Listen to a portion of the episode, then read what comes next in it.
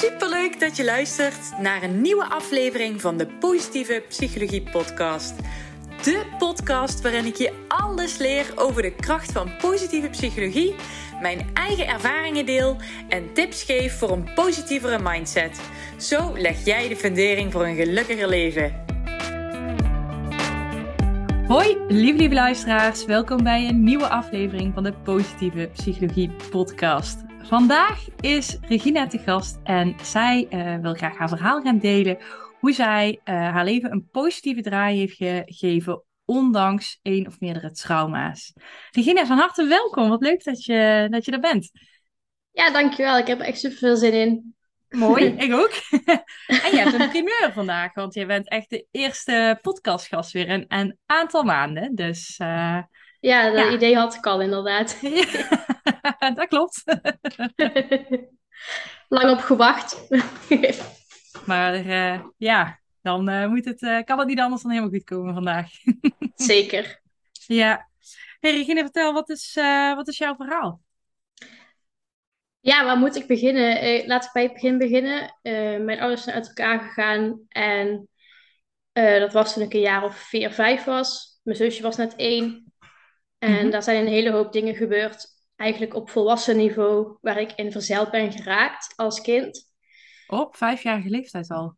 Ja, het begon toen mijn stiefmoeder in beeld kwam, dus was ik een jaar of zeven, acht. Um, ja, echt nog heel jong. Het, ja, echt heel jong.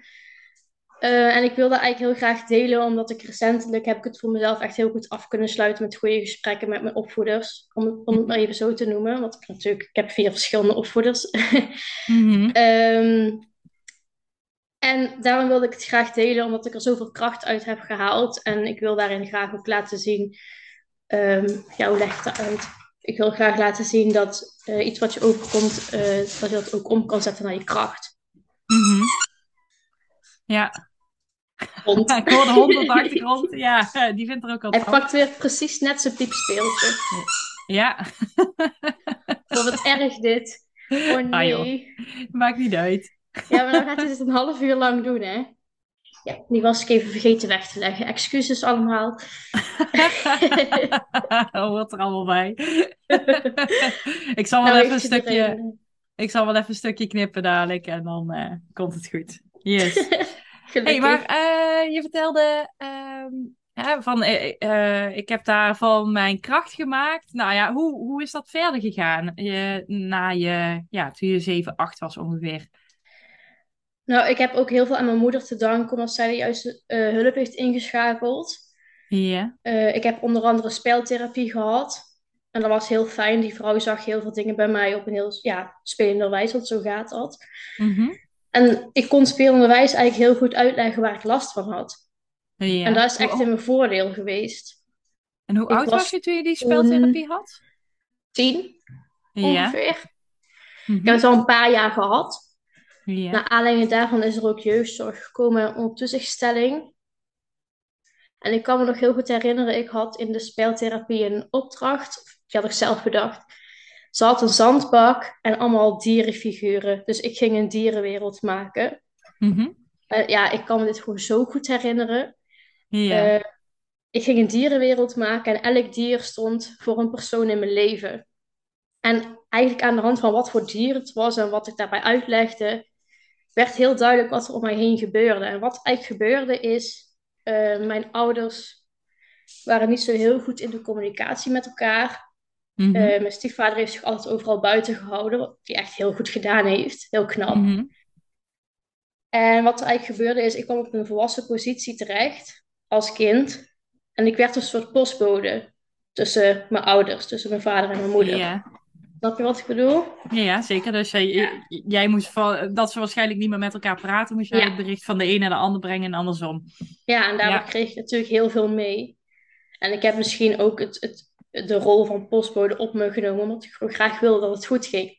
Mm En je bent loyaal aan beide ouders waarschijnlijk? Ja, dus ik kwam ook op een moment in een loyaliteitsconflict terecht. Mm Daar ben ik eigenlijk zelf achter gekomen toen ik 12 was, dus toen speelde het al twee jaar. En dat kan ik me ook nog heel goed herinneren. Ik ging toen bij mijn moeder op het uh, keukenkrukje zitten en ik zeg, mam, ik moet je echt iets, iets mega ergs vertellen. Echt iets super ergs. nou, ons man dacht natuurlijk van, wat gebeurt er nou?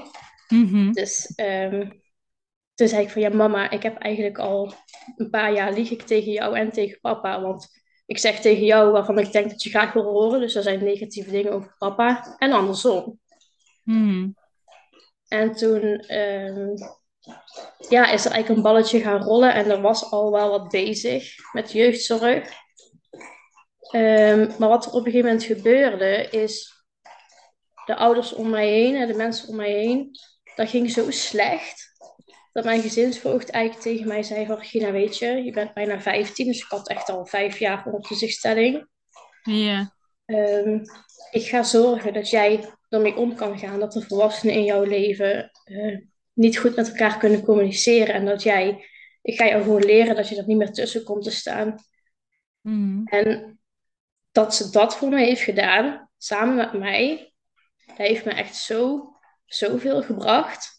Mm. Want ik, ik stopte met de postbode zijn en ik stopte met, met overal die loyaliteit halen en, en geven. Mm. Um, ja, dat eigenlijk. En door de jaren heen zijn er echt nog wel heel veel dingen gebeurd. Um, ik vind het lastig welke dingen ik eruit moet pikken. Mm-hmm. Ik heb een aantal jaar ook geen contact met mijn vader gehad, omdat het gewoon niet lekker ging. Ik was bang. En dat is ook iets wat ik twee weken geleden pas heb uit kunnen spreken bij mijn vader, dat ik daar bang was. Bang voor hem? Nee, ja, mijn stiefmoeder kon heel boos worden. Mm-hmm. En daar was ik altijd heel bang voor, want ja, als kind in een conflict heb ik ook wel dingen gedaan die ja, niet oké waren. Maar goed, dat kwam door de positie waar ik in terecht kwam. En Mhm. ik vind het heel moeilijk om daarin over detail te treden, omdat er gewoon zoveel dingen zijn. Mhm. Maar wat, wat ik eigenlijk door de jaren heen heb geleerd is... Alle volwassenen om mij heen hebben gehandeld met de kennis die ze hadden op dat moment. Mhm. En wat ze dachten dat het beste was voor mij. Ehm, bijvoorbeeld, ehm, ik vertel natuurlijk bij papa dingen over mama en andersom. Mhm. Dus mijn moeder heeft er ook op een gegeven moment een keer voor gezorgd. die heeft de politie ook een keer ingeschakeld omdat ik me onveilig voelde. Ik kan me nog een moment herinneren dat ik bij mijn vader op schoot zat. En mijn stiefmoeder en mijn vader hadden ruzie. En hier hebben we twee weken geleden nog eens over, over gepraat. Want op een gegeven moment, vroeger als kind, als ik heel veel stress kreeg, kreeg ik een bloedneus. Mhm. Dus wat gebeurde er? Mijn stiefmoeder en mijn vader hadden ruzie. En mijn stiefmoeder die wees, of die ging met een hand mijn kant op. En ik had een bloedneus. Dus ik kwam Mhm. thuis van mijn vader met bloed op mijn kleren. En ik zei, ja, hè, mijn stiefmoeder was super boos op mij. En toen kreeg ik een bloedneus. Ja, je Mhm. begrijpt dat mijn moeder in alle staten was natuurlijk. Want die dacht dat er iets heel anders was gebeurd. Ja. En ja, ik wist het gewoon niet meer. Mhm. En dat heeft er ook echt in geresulteerd dat er, er is politie gekomen. Ik was doodsbang. En mijn vader stond aan de deur om me op te halen voor het weekend bij mijn vader. En ik kan me nog goed herinneren, ik zat onder het bureau achter de krantenbak te huilen. En te zeggen dat ik niet meer wilde leven, want ik wist het gewoon niet meer. Mhm. En toen was ik een jaar of tien. Ja. Je had op dat moment eigenlijk helemaal geen veilige plek meer. Nee. Of was er wel ergens een plekje in huis waar je je kon terugtrekken? Eh, het, enige, het enige is denk ik op mijn kamer met, mijn- met mijn teddybeer. Mhm. dat klinkt echt, die heb ik ook echt nog steeds. Dat is nog steeds, dat is een, een constante factor in mijn leven. En daar ben ik me heel bewust van. Maar ik ben me er ook heel bewust van dat ik er ook niet vanaf wil. Mhm. Want ik hoor natuurlijk mensen omheen. Regina, je bent 25. En je hebt nog steeds die teddybeer. Als je echt gaat slapen, gaat hij mee. Hij ligt elke dag bij je in bed. Moet dat nou nog echt? Ja, voor Ja, mij dat dus moet. wel. Ja. ja. En ik schaam me dat is niet- niet meer voor. Nee, dat moet je ook niet doen. Ik, eh, ik heb een wetenschappelijk onderzoek eh, gelezen dat de 1 op de 3 volwassenen nog met een, eh, een knuffel Ja. slaapt. Dus ja, zou ik raden als je het niet doet. Nou ja, ik hoor het ook om me heen de laatste tijd veel vaker. Dus dat vind ik ook wel echt wel grappig ook eigenlijk. Ja. Ja. Ehm, goed, dus er zijn een hoop dingen gebeurd. Dit is een klein voorbeeld. Ehm, ik wil niet per se zeggen dat mijn situatie fysiek onveilig was, maar zeker wel sociaal-emotioneel onveilig was. Mhm. Ehm, en mijn moeder, ja, mijn moeder heeft zich zo ingezet. Die heeft uh, natuurlijk met de gezinsvoogd heel veel gesprekken gehad. Die ging naar hulp uh, zoeken voor zichzelf, voor mij. Ze ging proberen of ze mij kon ondersteunen, mij kon helpen. Alleen op een gegeven moment zei ik ook van, mam, ben eens mijn moeder en niet mijn psycholoog. Hmm. Dan ging het net, ja, net iets te ver en daar irriteerde ik me vroeger heel erg aan. Maar als ik er eigenlijk op terugkijk, denk ik ook van, oh mam, waar heb jij het zwaar gehad? Hmm. Eigenlijk. Ja. ja. En, ja, en anderzijds mijn vader ook. Ik bedoel, ehm, op een gegeven moment liepen de spanningen zo hoog op. Toen was ik 14. En toen werd er op een gegeven moment van mijn vaders kant gezegd van... Goh, Regina, zusje, ehm, in de zomervakantie zouden jullie drie weken naar ons komen, maar dat gaan we niet meer doen. Want onze mentale gezondheid gaat achteruit en dat komt door jullie en door de situatie. Dus de schuld werd een beetje bij ons, bij mij neergelegd. Zo mhm. ervaarde ik dat toen. Ja. Ehm, en je bent de hele zomervakantie bij je moeder. En ik, ja, ik kan me ook niet voorstellen wat het dan bij mijn vader teweeg heeft gebracht om zo'n beslissing te nemen, daar waar ik en mijn zusje eigenlijk alles voor hem zijn in het leven. Hmm. Die heeft het ook zo moeilijk en zo zwaar gehad. Uh, ook in de afgelopen tijd nog. Met zijn eigen dingetjes en zijn eigen verleden. Hmm. Ehm, daar ben ik ook steeds meer over te weten gekomen. En daardoor ben ik ook steeds meer gaan relativeren. Laat zien, wat een perspectief bedoel je? Ja, precies. Ja. ja. Uh, mijn, mijn vader is in Nieuw-Zeeland geboren en op zijn vijftiende naar Nederland gekomen. Mm dat betekent dat je eigenlijk in je jeugd van alles opbouwt en je moet het achterlaten en je gaat naar de andere kant van de wereld. En je, ja, waar kom je in godsnaam in terecht, zeg maar. En dan ook nog een bepaalde opvoeding hebben. Ja, dat, dat plaatst wel dingen in perspectief. Mm, en, dat maakt jouw verdriet niet minder erg natuurlijk. Nee, dat zeker niet. En daarom ben ik ook heel blij dat we eigenlijk twee weken geleden pas een heel goed gesprek hebben gehad. Ik met mijn stiefmoeder erbij. En ik heb echt durven zeggen wat ik voelde, wat ik dacht. En ik voelde me echt super krachtig. En, dat was, en ik heb het ook gewoon gezegd. Ik zeg, oh, ik vind het zo fijn. Ik voel me nu zo in mijn kracht dat ik dit nu eindelijk heb kunnen zeggen. Mhm. En ik heb ja, van mijn stiefmoeder ook eigenlijk eindelijk dus de sorry gehad die ik jarenlang al nodig had. Oké, dus dat was echt een stukje afsluiting voor je. Ja, maar echt een, een, sorry dat je vroeger zo bang voor mij was, dat ik zo boos kon worden. Sorry als ik dingen heb gedaan waar, die jou slecht hebben gedaan of waar je een hele slechte ervaring aan hebt. Um, Dat is echt super fijn. En ik heb ook, ja, de gezinsvoogd die viel niet zo lekker bij mijn vader en mijn stiefmoeder, omdat ze het contact liep niet zo goed, maar ik heb wel ook gewoon bijvoorbeeld durven zeggen van, goh, maar ik heb wel echt superveel aan haar gehad en ik heb dit geleerd. En ik heb geleerd om in mijn kracht te staan en geleerd om te zorgen dat ik in mijn eigen stukje blijf in het gezin, in mijn eigen rol. Dus dat is echt, uh, dat was echt heel fijn. Ja. En hoe is het contact met je moeder deze dagen? Uh, dus eigenlijk sinds ik het huis uit ben, twee jaar geleden, drie jaar geleden bijna, steeds beter. Ja. Ehm, we zaten elkaar zo op de lip en we lijken heel veel op elkaar. En dat durfde ik eerst niet toe te geven. Mhm. Maar nu zie ik het. Ja. En dat is, dat vond ik eerst dacht ik van, oh nee, ik lijk op mijn moeder. En nu denk ik, oh ja, ik lijk op mijn moeder. Ja, ja, ja. Omdat je nou van een afstandje een beetje kan bekijken.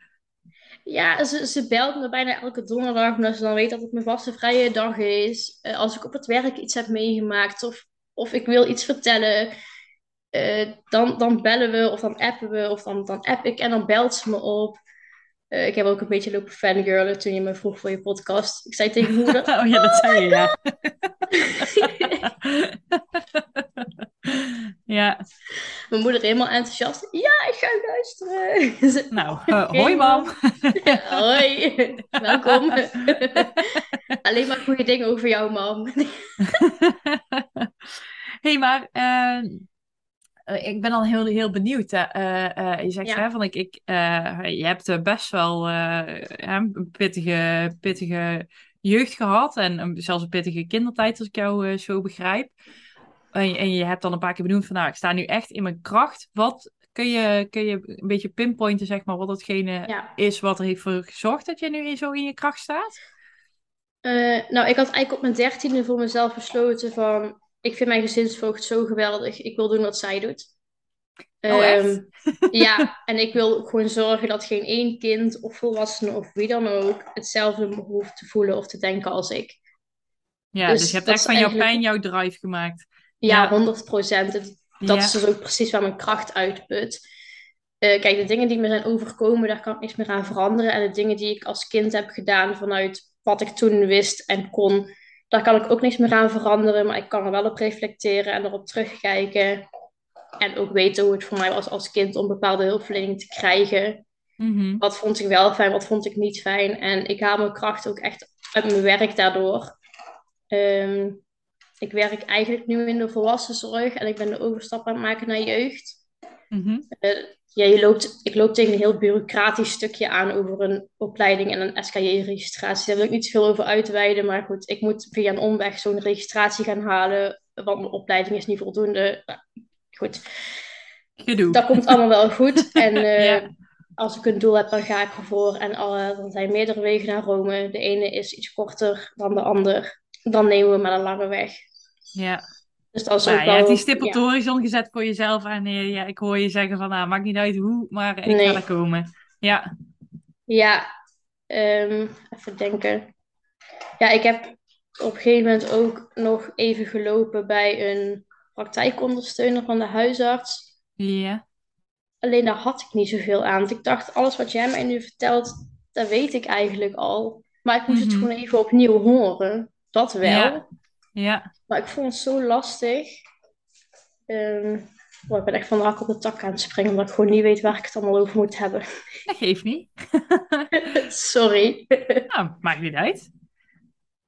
Ehm, ja, mijn werk. Daar hadden we het over. Daar haal ik heel veel kracht uit. En ook op mijn werk heb ik heftige dingen meegemaakt. We hebben elkaar vorig jaar november daarover gesproken, volgens ja, mij. klopt, dat weet ik Ja. nog. Ja. Weet je het nog? Ja.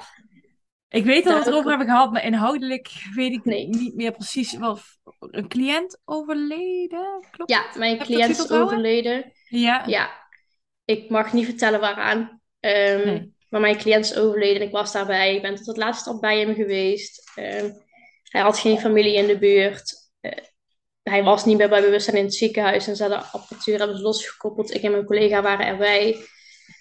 Heel heftig. Hebben nazorg gekregen, maar uiteindelijk had ik er niet veel van nodig. Omdat ik gewoon zo achter mij en mijn handelen stond.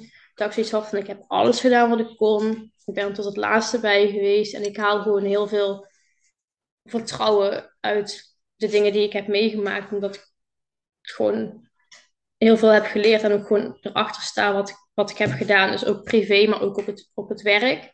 Mhm.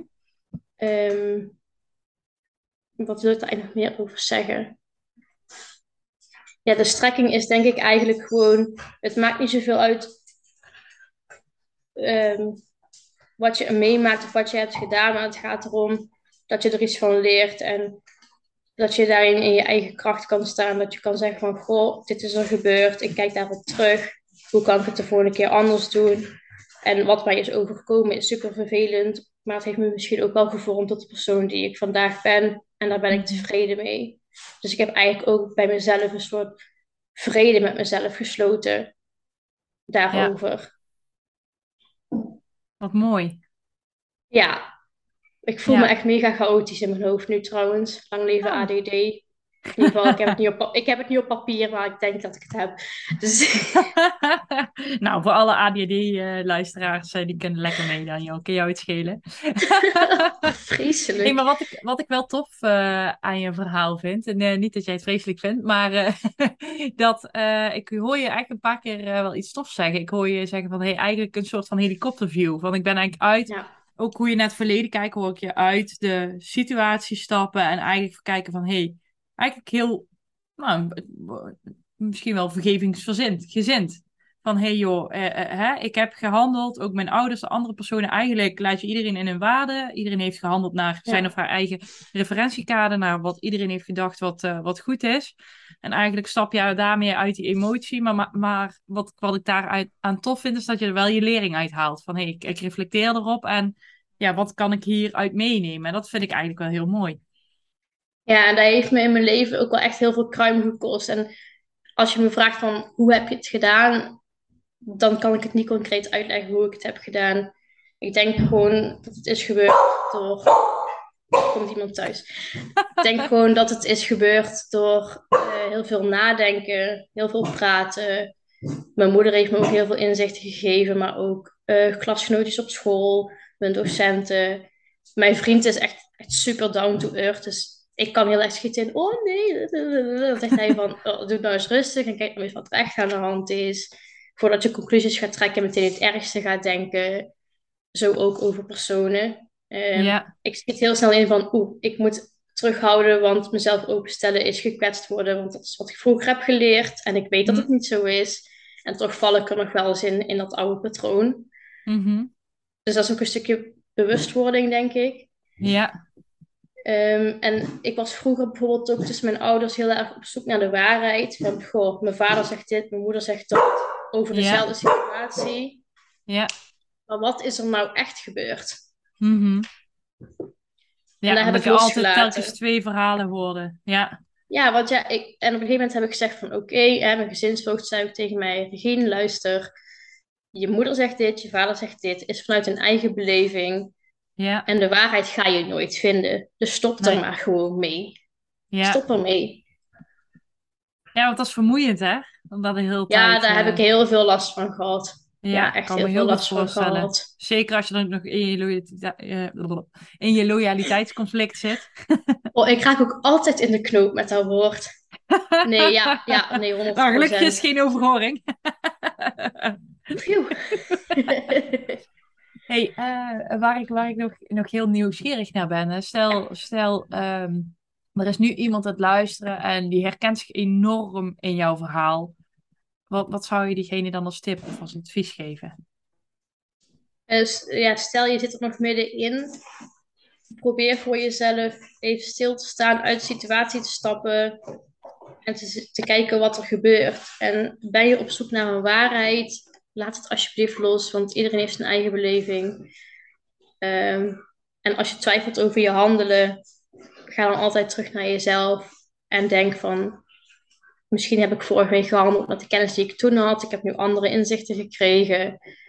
Nu weet ik hoe het de volgende keer anders kan. Straf jezelf niet af uh, op, op dat soort dingen. Als iets niet loopt zoals je had gehoopt, of als je achteraf blijkt dat je een fout hebt gemaakt. Die dingen horen bij het leven en het gaat erom dat je er iets van leert. Draai het positief. En ga dan niet met de pakken neerzetten. Draai het positief, maak er je drijfveer van. Um, en, en loop verder vooruit. Ja, eigenlijk met heel veel liefde richting jezelf, hoor ik eigenlijk als rode draad er doorheen. Ja, eigenlijk wel. Want jezelf afstraffen, daar bereik je niks mee, vind ik. Nee. Nee. Dan gaat het alleen van kwaad tot erger. Ja, dan, dan, dan ga je jezelf in, in zo'n neerwaartse spiraal. En ja, tuurlijk, dat overkomt mij ook nog wel eens. Maar het gaat, het gaat om herpak jezelf. Eh, ga, handel vanuit zelfliefde. Heb vertrouwen in jezelf. En als je erachter komt dat je een fout maakt, ben daar dankbaar voor. Want dan heb je er iets van geleerd. Ja, want hoe, hoe herpak jij jezelf als je merkt dat je jezelf bestraffend toespreekt? Meestal merk ik het al op het moment dat ik het doe. Mm Dan denk ik ook van, goh, wacht, even, even stop. Maar soms ook door de mensen om me heen. Uh, soms dan zie ik het zelf ook niet meer. Dus dat is net verschillend per situatie. Maar ik probeer echt minder in die paniekmodus te stappen. En dat lukt ook al steeds beter. Vooral nu ik het voor mezelf echt qua dat stukje over mijn verleden heb af kunnen sluiten. Stop eventjes, bekijk het eventjes, stap er even uit, ga in die helikopter zitten en kijk, kijk wat, er, wat er gebeurt. Want het is ook heel vaak een actie-reactie dingetje. Hmm. Ja, dus even bewust afstand nemen de emotie eruit en even kijken van wat, wat, wat gebeurt er nou eigenlijk. Ja. ja. ik pas dit advies zelf ook toe bij, bij jeugd en gezinnen waar ik nou in terecht kom. Van hey, ik zie actie-reactie. Wacht eventjes. Wat voel je? Wat denk je? Praat vanuit jezelf. Ik voel, ik vind, ik denk. Ik zie dat. Mm Hou het dan bij jezelf en dan is het altijd goed. Want over gevoel valt niet te twisten, zeg ik altijd. En iets wat je vindt, voelt, denkt.